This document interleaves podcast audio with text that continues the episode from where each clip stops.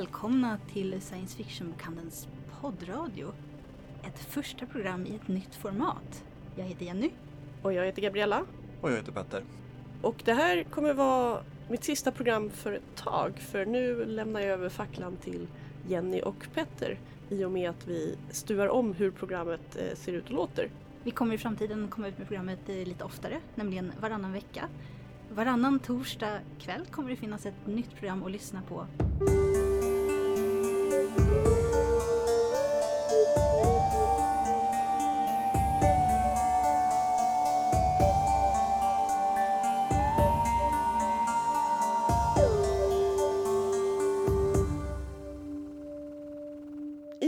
Är en nytt för oss, lika nytt som för er, så vill vi jättegärna höra vad ni tycker om det. Eh, ni kan lämna recensioner där ni lyssnar på er podd eller mejla oss på våran vanliga mejl fragor sfbok.se eller typ tweeta eller facebooka oss om ni har några åsikter och idéer. Och idag så tänkte jag prata lite om Doctor Who med tanke på temat om förnyelse. Och jag tänkte prata om Pokémon som utannonseras två nya spel i den Core-serien Mm. förra veckan. Också nytt.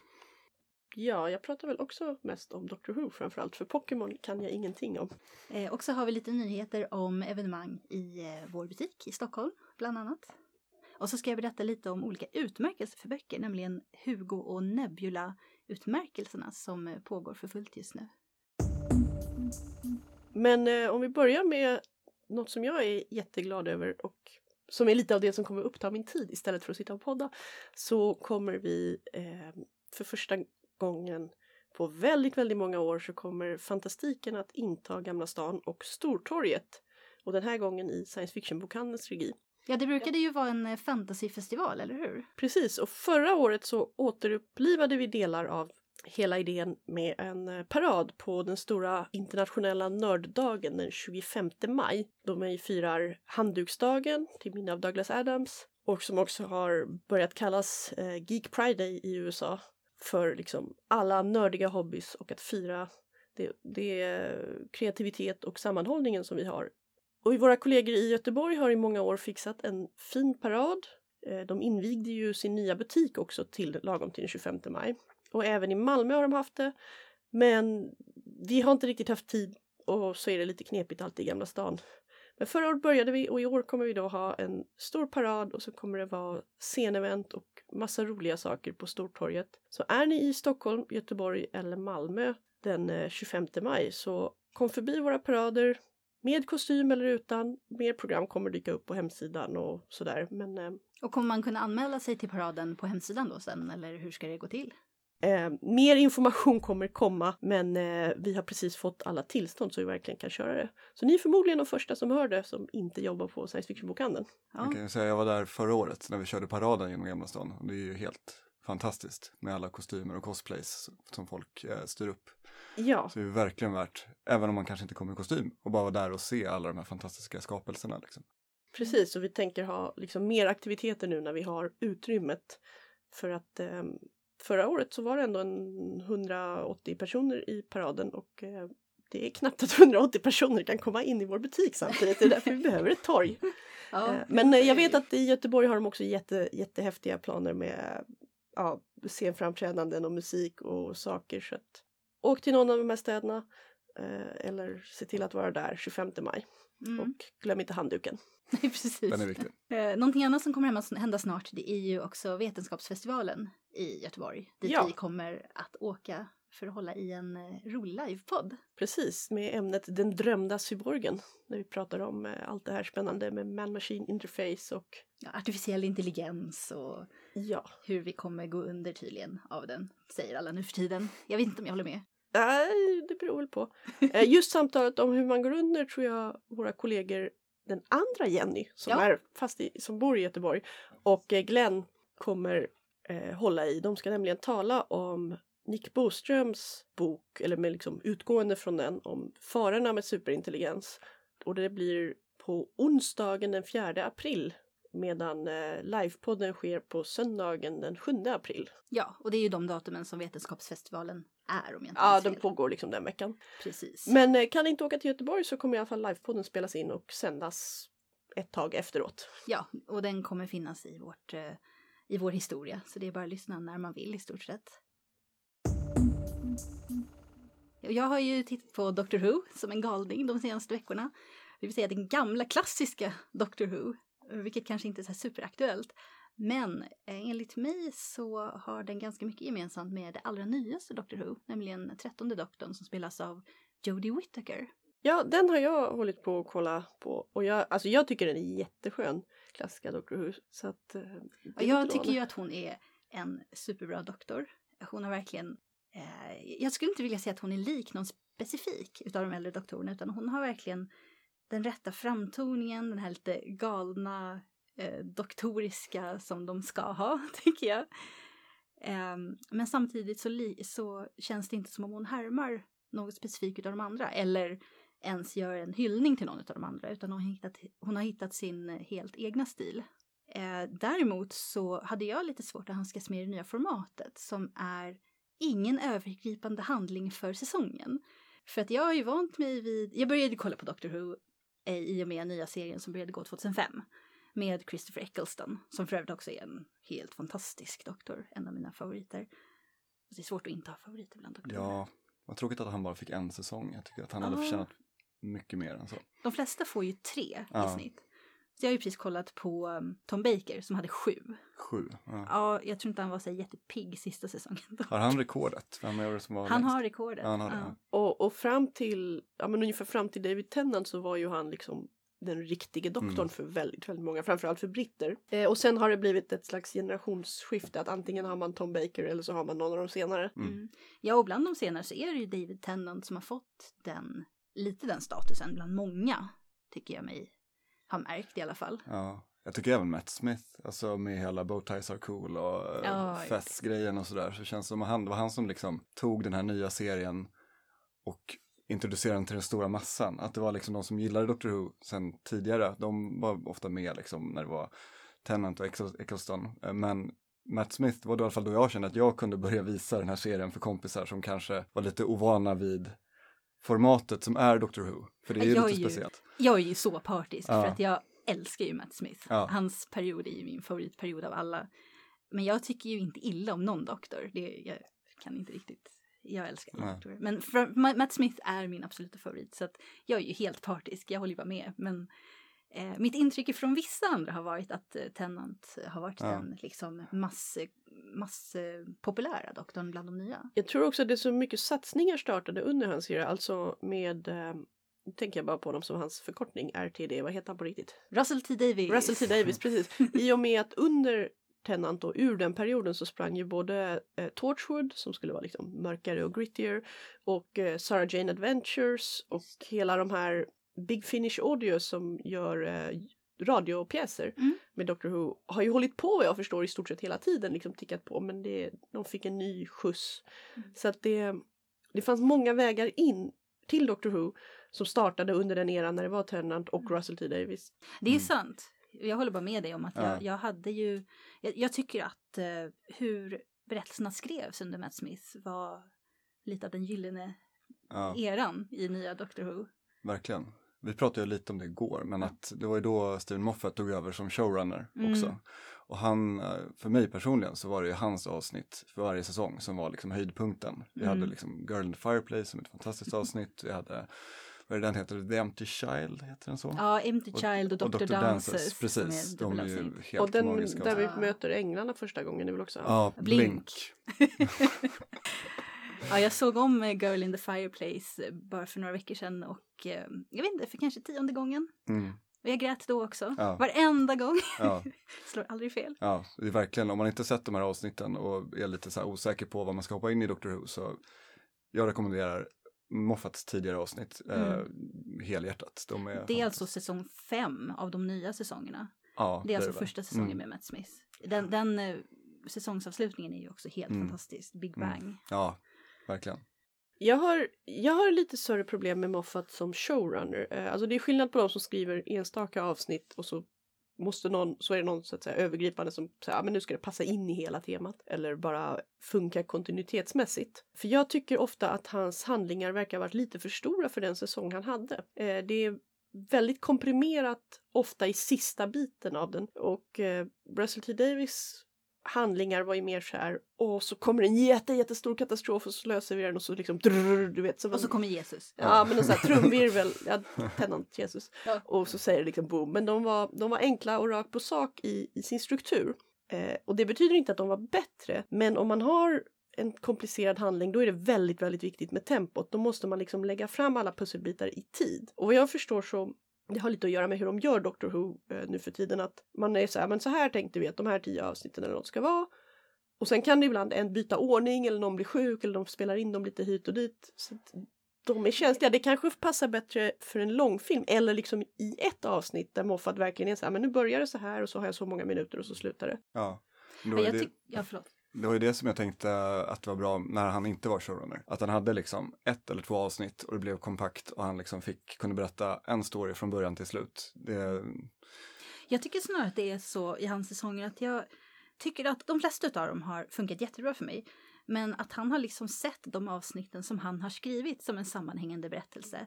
Och sen finns det ju flera avsnitt i säsongen. Och ibland så passar de bara inte in. mm. Nej men jag tänker också på, gud nu kommer jag inte ihåg vad hon heter men eh, med kompanjonerna, Följeslagarna. ja vad hette hon som var innan Clara? Nej innan Clara. Amy Pond. Precis, Ja. Amy Pond och hennes eh, kille Rory. Rory. Ja, och ehm, den stora spoilern, men liksom Melody. Ja, just det. Vad de gjorde med, med Melody. Eh, så, för om det är någon nu som inte har sett det så är det här, knyter ihop en hel säsong så det är därför jag inte pratar runt det. Men Melody-biten är extremt viktig för alla karaktärers utveckling och, och för vad som händer i den säsongen och även borde den ju ha varit viktig för vad som händer i framtida säsonger och det trycks ju ihop på vadå, ett avsnitt? Ett halvt avsnitt? Gud, jag minns inte ens. When, det, när vi skulle döda Hitler avsnittet så kommer liksom allt det där bara lite Vilket de inte sidan om. gör kanske Nej. vi ska försäkra alla om. Ja. Det, det är en missvisande titel. Ja precis, då får man se på uh, Inglourious Basterds för att se den filmen när de faktiskt dödar. Men i alla fall så det, det, får inte, det, är- det är en för stor grej för att ta på så lite tid. Och det är det jag menar med att jag tyckte han hade dramaturgiska problem som gör att det blir svårt att liksom verkligen älska hans handlingar. Eh, Ja, många säger det. Jag, jag kände inte alls så när jag tittade på det. Men eh, jag vet att det är ganska vanligt att, att folk eh, känner så. Ja. Mm. Jag tror att det kan också ha lite bara med vilken typ av... Det kan ju vara en smaksak också, vad, vad man har lätt att he- liksom, ta till sig. Sen kan det ju också vara så, som sagt, jag har ju tittat på gamla klassiska Doctor Who nu. Mm. Och det, tempot i många av dem, eh, jag kanske ska förklara det också, att gamla Doctor Who är uppbyggt så att varje säsong är en samling miniserier på mellan fyra och sex, ibland fler avsnitt som är halvtimme långa. Eller precis, 24 och varje minuter. avsnitt är kortare. Precis, varje avsnitt 24 minuter. Eh, den längsta var 10 avsnitt. Eh, fast den var faktiskt riktigt bra med bra tempo för andra doktorn. Vilket, vilken, vad heter den? Den heter War Games.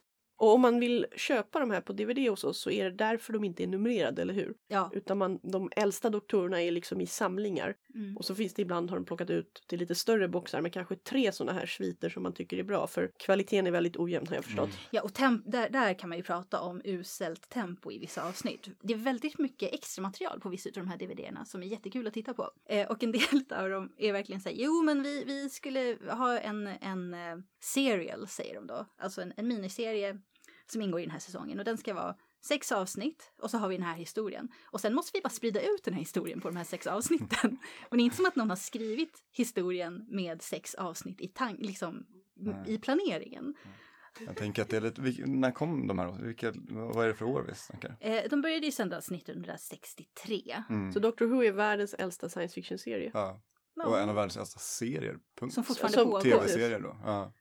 Som fortfarande går. Nej, men Och- jag tänker att det var, man kan, hade väl inte riktigt löst det här med format på Nej. hur man skriver tv ens då. Det, Det- var liksom teater nästan. Ja, precis. Det, det är precis så. Mm. Framförallt de första med första doktorn. För då fick de inte ens klippa fler än två gånger per avsnitt. För det kostade för mycket pengar med det, Det- material de hade. Det är ju det andra, alltså om man tittar på eh, långfilm från 60-talet så finns det ju en del riktigt, alltså då har man ju ändå lärt sig göra film vissa personer, men då handlar det ofta om eh, personer med väldigt stort liksom, engagemang i det de gjorde och mycket, mycket pengar.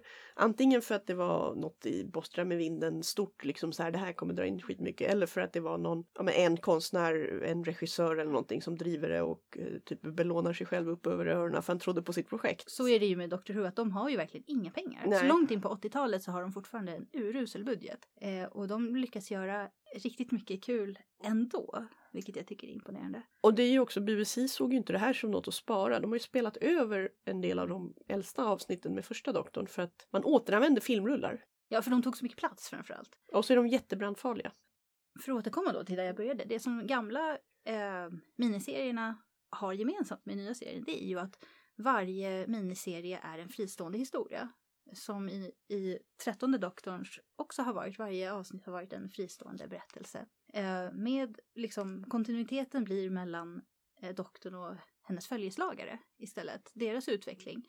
Men själva handlingen, den andra handlingen, är avslutade med varje avsnitt. Och eh, många tycker ju att det här är väldigt kul och gillar det. Men jag måste säga att jag föredrar nog den här, att det finns en handling genom hela säsongen. Jag, för, jag skulle föredra om det fanns en handling genom hela säsongen. Jag tycker också att det är kul. Däremot så är jag himla trött på både Moffat och eh, Russell T Davies. Och de, de, där är de extremt lika. Att handlingen centrerar på att doktorn eller en annan person typ en kompanjon är så fruktansvärt viktiga för, för universum och för det känslomässiga och det är liksom, det är den här en person betyder så himla mycket. Det var väldigt tydligt med Clara Oswald också, eh, att hennes och Matt Smiths förhållande och sedan efterdyningarna liksom hennes och eh, Capaldis förhållande skulle vara så kosmiska resonanser. Och jag bara, jag orkar inte med det här. Jag är så himla inte om trött jag på håller med det. om det med Capaldi riktigt. Nej men där var det ju mer att, att någonting hade förändrats och, Ja. och, och sen måste han glömma henne och komma ihåg henne och hit och dit och väldigt mycket Alltså det- minne och de döda återuppstår. Jag, Det är någonting man måste säga med Steven Moffat, att han har ofta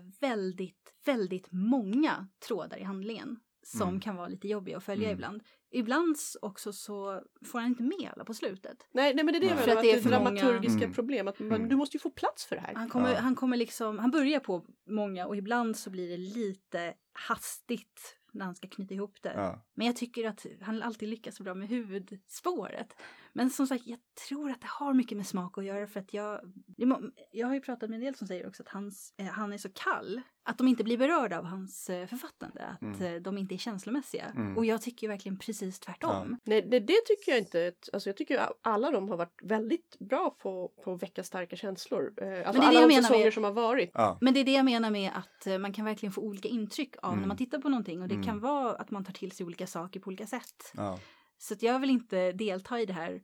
eh, Det gör ju inte du heller. Men det här kriget mellan Russell T Davies och Mm, Moffat. För mm. att jag tycker ju Nej. faktiskt om båda deras eror. ja, precis. Ja det gör jag också men jag tycker att, att där hade de en, en likhet och jag vet inte om det bara är dem, jag vet inte om det var det var så genomgripande i mycket att man, man känner lite också att men, men det är kanske så BBC ville sälja in det som att doktorn är jätte, jätteviktig, anknyts starkt emotionellt till den Mm och så slår det igenom som om liksom doktorn är den viktigaste själen i universum som jag ändå tyckte både i enstaka avsnitt ibland och i liksom stora sviter. Och här i och med att vi inte har just nu en, ehm, en övergripande handling för hela säsongen så är det ju mer ett fokus på men vad händer här, upptäck, upptäck ett mysterium med Jodie och eh, de andra. Också att vi har fler kompanjoner, jag gillar det. Jag insett att jag tycker bättre om, jag tyckte om när det var Amy och Rory snarare än när det bara var Rose Ja. till exempel. Ja. Hur många är det den här säsongen? Jag har inte sett någonting av han den senaste. Eh, så... Det är tre stycken skulle Tre, jag säga. ja. Och de har också förhållande till varandra som är liksom separata. Det är två som är kompisar, det är några som har en typ familjerelation. Det jag Men tyckte var problemet med den här, den här säsongen var att eh, de var så pass många så att eh, inte alla av dem fick den utveckling som jag tycker, f- för de utvecklade förhållandet eh, mellan Ryan och eh, Ryan och hans eh, styvfar väldigt Styvfadern- styvmorfar blir det snarare. Styvmorfar blir jag, styvmorfar. De, de, det handlar ganska mycket om det och eh, Jazz hamnar då lite i skymundan tyckte jag. För att de var, de har ändå inte riktigt så, där kan man ju säga att idag kanske de har lite för lite tid för allting som de vill berätta. Medan i gamla Doctor Who så fick de ibland lite för mycket tid. Men, jag, jag men gillar det- Jazz, eh, alltså jag gillar att hon inte är för tajt med den andra familjen. De är ändå, de är vänner och det utvecklas och jag gillade att att hon har en egen familj och att det händer lite vid sidan om. Det liksom, ja, men hon har ett annat liv som inte är det viktigaste för det, det är inte så att jag vill att de ska ägna för mycket tid åt familjedrama och terapi utan de ska gå ut på äventyr. Jo, men det, det jag kan eh, säga är ju verkligen då att om man gillar nya Doctor Who och kan ha fördragsamhet med den extremt usla budgeten i klassiska Doctor Who så finns det väldigt mycket där som är väldigt kul att se. Och se de gamla doktorerna också är, är väldigt intressant. Jag tycker ju till exempel att eh, man kan se faktiskt lite spår av fjärde doktorn i Tennant. Eh, Absolut. fast han själv säger ju då att han, hans doktor var ju femte doktorn. Eh, Peter Davison, som jag inte har kommit till än så att jag vet Ja. inte hur lika de är. Men också andra doktorn och Matt Smith har extremt mycket gemensamt. Matt Smith har ju sagt också att han beundrar Patrick Troughton heter han som spelar andra doktorn. Och tyvärr saknas väldigt många av hans eh, avsnitt. Men de som finns är jättekul att se. Men, som sagt, eh, tänk på att, att eh, man kan inte begära dagens eh, effekter. Nej. Nej, alltså men berättelserna är ofta bra. man kan Ja. knappt begära de effekter som ett genomsnittligt studentspex får. Nej, det, det är eh, helt sant. Men jag, jag hoppas att den nya showrunnern eh, känner sig varm i kläderna efter den här första säsongen som jag ändå tyckte var alltså väldigt... Det var bra avsnitt nästan allihop. Det fanns en eller två där jag var lite såhär nja. Det, Det fanns var... ett som jag tyckte var fruktansvärt hemskt. Ja, är det det med Kablam? Vad- Vem är det? Vad det? Amazon ungefär. Och- Det är bra med fotbojor på arbetare. Jaha. Ja men också, Ja, ehm, ja. alltså de, det är en dator som vaknar till liv och de bara, Ja. så här, de struntar i det och man bara, Ja. nu, nu tappar ni bollen. Men Ja. i övrigt, det finns alltid ett avsnitt som är jättedåligt i varje säsong. Ja. Jag Det som det är någon. skönt då om att det är som det är, är att Ja. då kan man ju bara skippa det avsnittet Mm. och hoppa till nästa. Men att, att han sätter ihop en lite större handling till nästa säsong, nu när vi liksom har etablerat alla figurerna ganska tydligt. Men det, däremot så tycker jag inte om introt, nu har de gått för Alltså intromusiken, den var mixad Ah. för, för lite trummor eller vad man ska kalla det, för, för mörk. ja, det kan man ju också gå igenom om man kollar på klassiska Doctor Who. Alla Mm. olika versioner av introna. Ja. Jag har ju kommit till 80-talet nu. Introt är Väldigt väldigt Är det härligt syntigt Ja. och bara så här. Man, Det- man, eh, de finns ju på Youtube, eh, så här, videor som har alla introna efter varandra. Det är ganska Ja. kul att lyssna igenom. Man bara, Mm. vänta vad är det här för något? Det blir något sånt zeitgeist liksom, Ja, tids, ja. eh, en tidsresa. Ja. Musikalisk, en musikalisk tidsresa. och därmed så får jag ta och ge plats för Petter och Pokémon. Eh, och det har varit jättekul att göra den här podden och jag hoppas att ni har gillat våra avsnitt. Jag kommer säkert återkomma då och då. Ja, vi Men mer som- eh, framtida inhopp. Special Precis. guest appearance by. Ja, Ja. eh, så lycka till och eh, hej då alla lyssnare. Ja, eh, då tänkte jag prata lite om Pokémon. ja, ett ämne som jag inte vet så mycket om faktiskt. Annat än att det har kommit en ny fantastisk långfilm som alla pratar om. Ja, det kommer en film i sommar som heter Detective Pikachu som är live action, eh, inte animerad. Är det sant? Ja, handlingen är lite oklar, eh, men av trailern att döma så eh, är Pikachu sätts in för att spåra en försvunnen man och gör detta med hjälp av sin, ska man säga, följeslagare, Mm. Tränare kanske? tränare. Jag vet inte om det är tränare, det framgår inte riktigt i trailern. Det är, Nej. De har något sånt, någon sån relation. vet man eh, vem det är? Eller vad, är, det, är det någon person från spelen eller är det en ny? Jag tror att det är en ny karaktär, verkar som det. Men det roliga det är ju att rösten till Pikachu görs av allas vår egen Deadpool, Ryan Reynolds. Det är ju så otippat. ja, hela den här grejen verkar väldigt märklig. Det, det, jag tycker det är kul att de har ett sånt vågat format som Men liksom, då är det inte ett japanskt bolag som gör den Nej, här jag filmen? tror att det är Warner Aha, som gör dem. ja det borde det vara om det är Ryan Re- Reynolds. Ja, Jag gillar honom. ja jo, men han är kul. Man gillar ju Deadpool. Och det verkar som att han tar liksom sin typ av humor med till den här filmen. Ja, Vilket också är, när jag säger det, det låter så konstigt. Alltså jag kan inte riktigt förstå att det är så de har valt att göra det. Men jag är ombord. Ja, trailern ser jättekul ut och Ja. Alla format, eller hur de har designat alla Pokémons är väldigt, de är liksom anpassade för, för filmen. Och mm. Är de eh, tecknade eller- är de animerade som i en datoranimerad film då? Eller Ja det är de, fast Ja. de är med lite så här naturliga drag. Aha. Pikachu har liksom päls och sådär. Det ser, så han ser ju lite ut som ett, ett djur på riktigt. Och det kan man se på, ja det finns, ligger en trailer uppe nu. Det ligger man flera kan hitta trailers uppe. Ja, precis. Och om går man på bio och ser någonting, eh, till exempel Captain Marvel eller sånt där, så Ja. den ligger framför varenda film, mer eller mindre. Så att, Ja, jag det- var och såg eh, Battle Angel Alita nyligen. Eh, vilken jag för övrigt kan rekommendera. Jag tyckte den var Mm. riktigt bra. Man vänjer sig ganska snabbt vid datoranimerade ögon. mm. Eh, men då fick inte jag se den trailern. Inte? Nej, Nej. det Nej. kanske var lite för Det kanske är- gamla. Det var li- filmen var nog inte tillräckligt ny. Nej, nej, såg. Nej, det, det, det är möjligt. Jag kan tänka mig att Alita är kanske för en lite äldre målgrupp. Ja, nej, det är också Möjligtvis. PG-13 i alla fall. Ja, det är det. Ja, Ja, man märker det på lite olika saker. ja jag förstår. Måste sälja de där biljetterna liksom. jag måste ju säga att jag tycker ju att de kunde liksom. Det finns möjligheter att släppa vad de kallar för R-rated films Mm, mm. och att de fortfarande blir riktigt stora. Men jag tyckte det är. Eh, det är en eh, epok av maximerade vinster Mm. på alla samhällsplan. Jajamensan. Får väl leva med det. Skapar själen dör. Ja, det handlar om cele- celebriteter. Ja, men... ehm, Ja, men därför, kul. det är därför Del Toro inte har fått göra Mountains of Madness. Mm, Sorry. tyvärr. Ja, tyvärr. Än.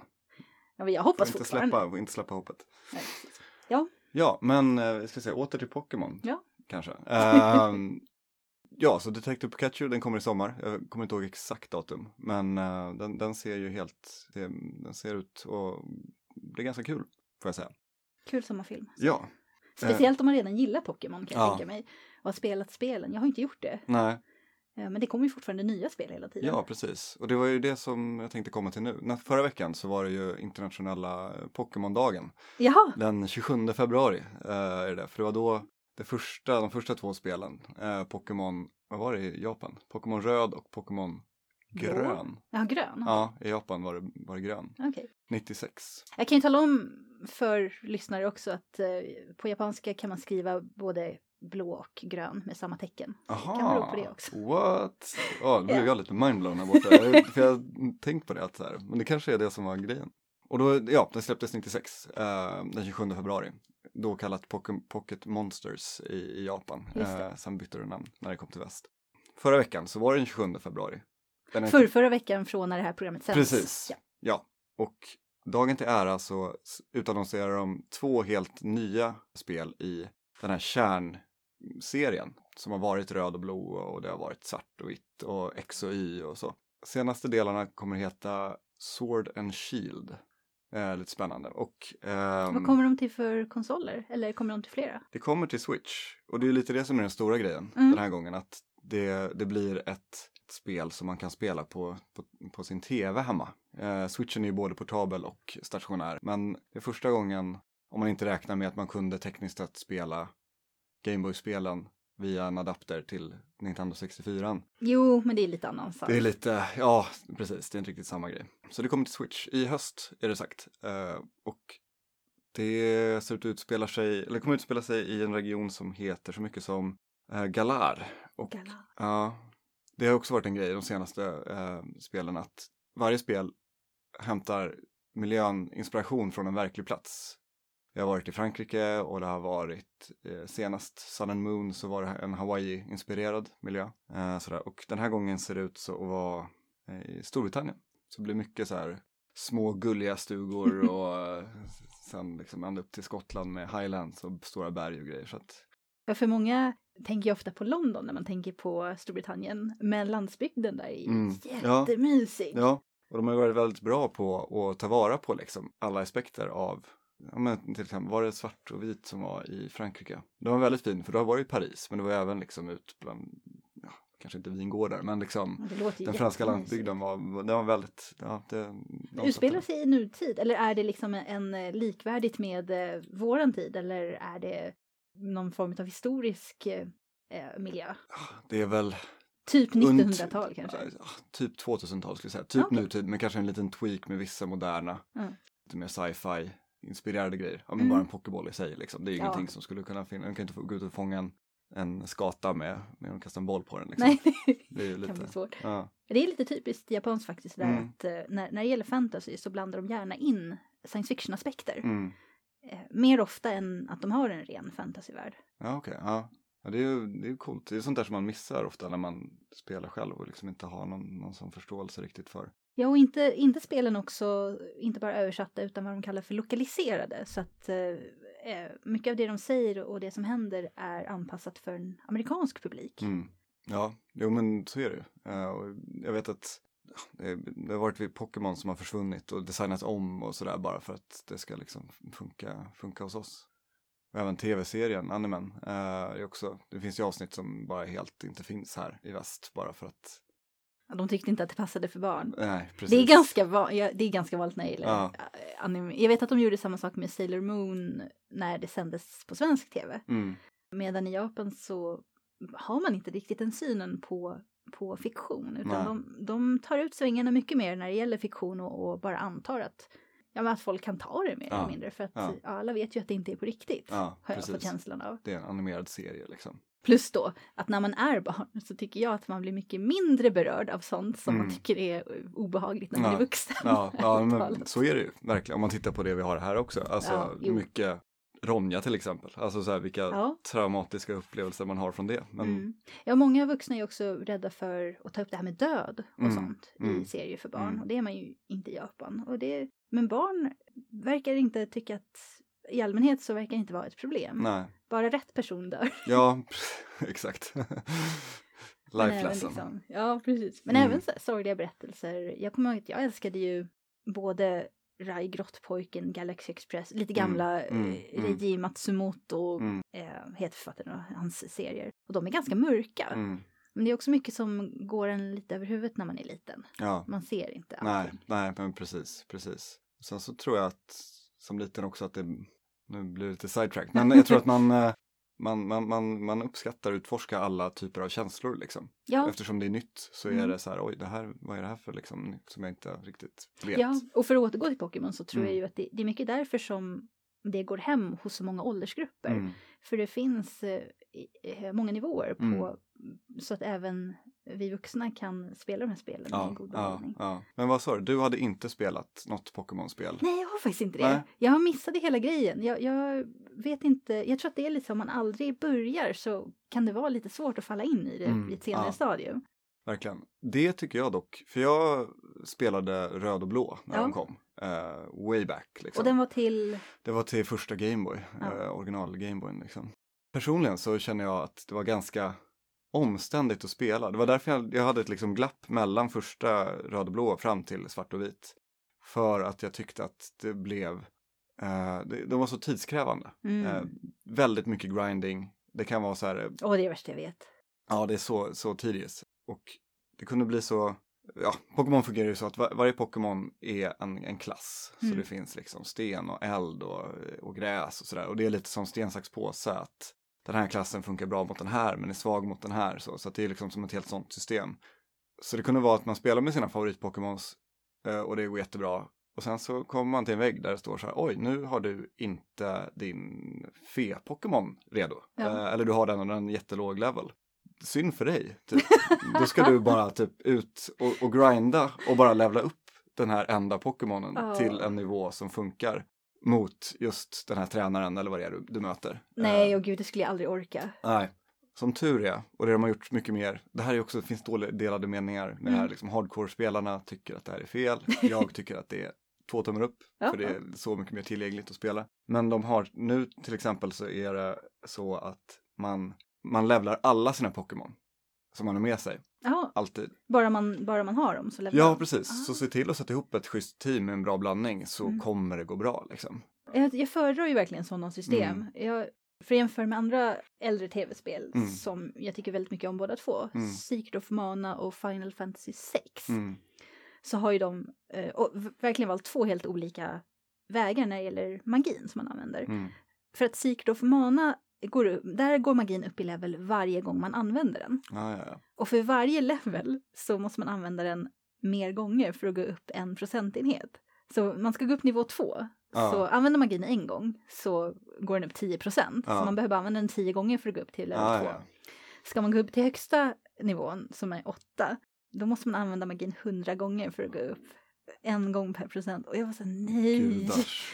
Och framförallt eftersom man får sista magin som man ska använda på sista bossen Ja. väldigt sent i Mm, spelet. Så det är mm. svårt att använda den medan man spelar. Ja, Och det höll på att driva mig till vansinne. Ja. Annars är spelet superbra, tycker jag. ja, Jag älskar det spelet. ja, klassiskt.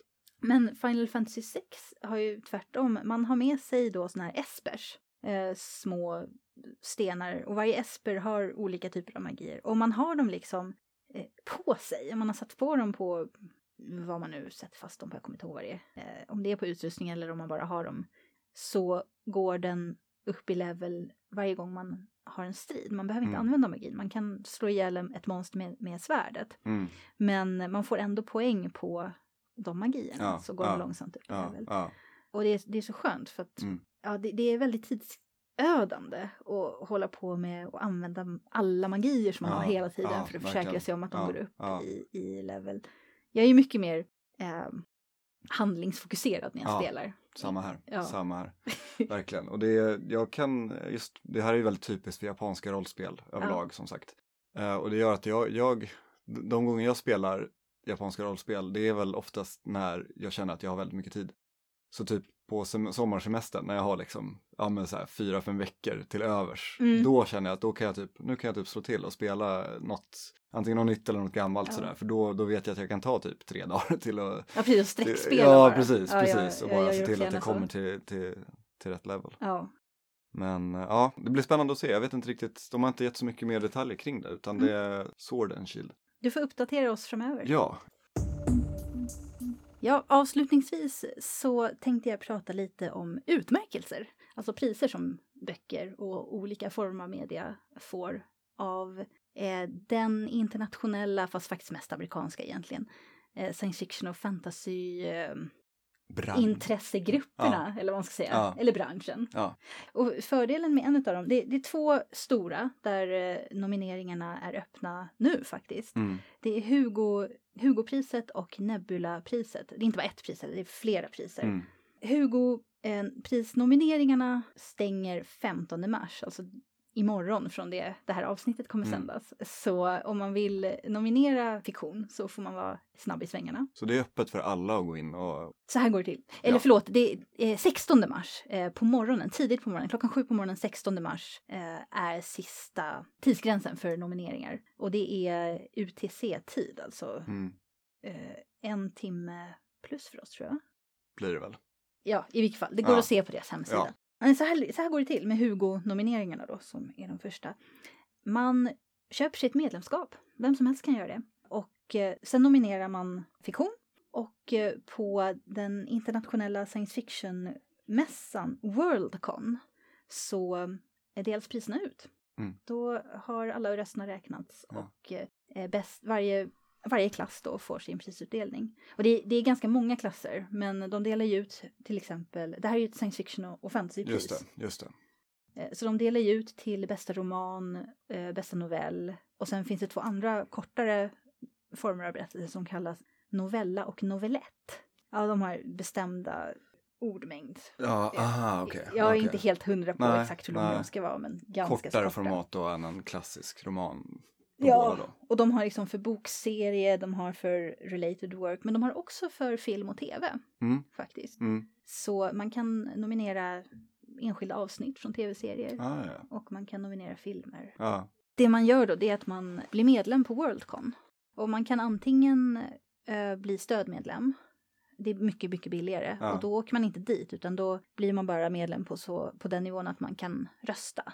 Och det här krävs, det är liksom det enda som, man behöver inte vara författare själv eller liksom. Inte för Hugo, Nej, nej, inte för nej, Hugo-priset. Worldcon i år kommer ju hållas i Dublin eh, den 15 augusti.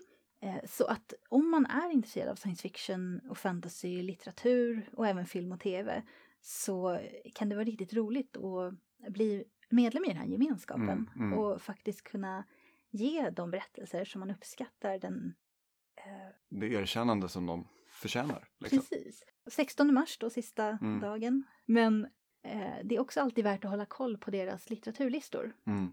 För det är ju, all, allting som nomineras får ju inte, blir ju inte möjligt att rösta på. Nej.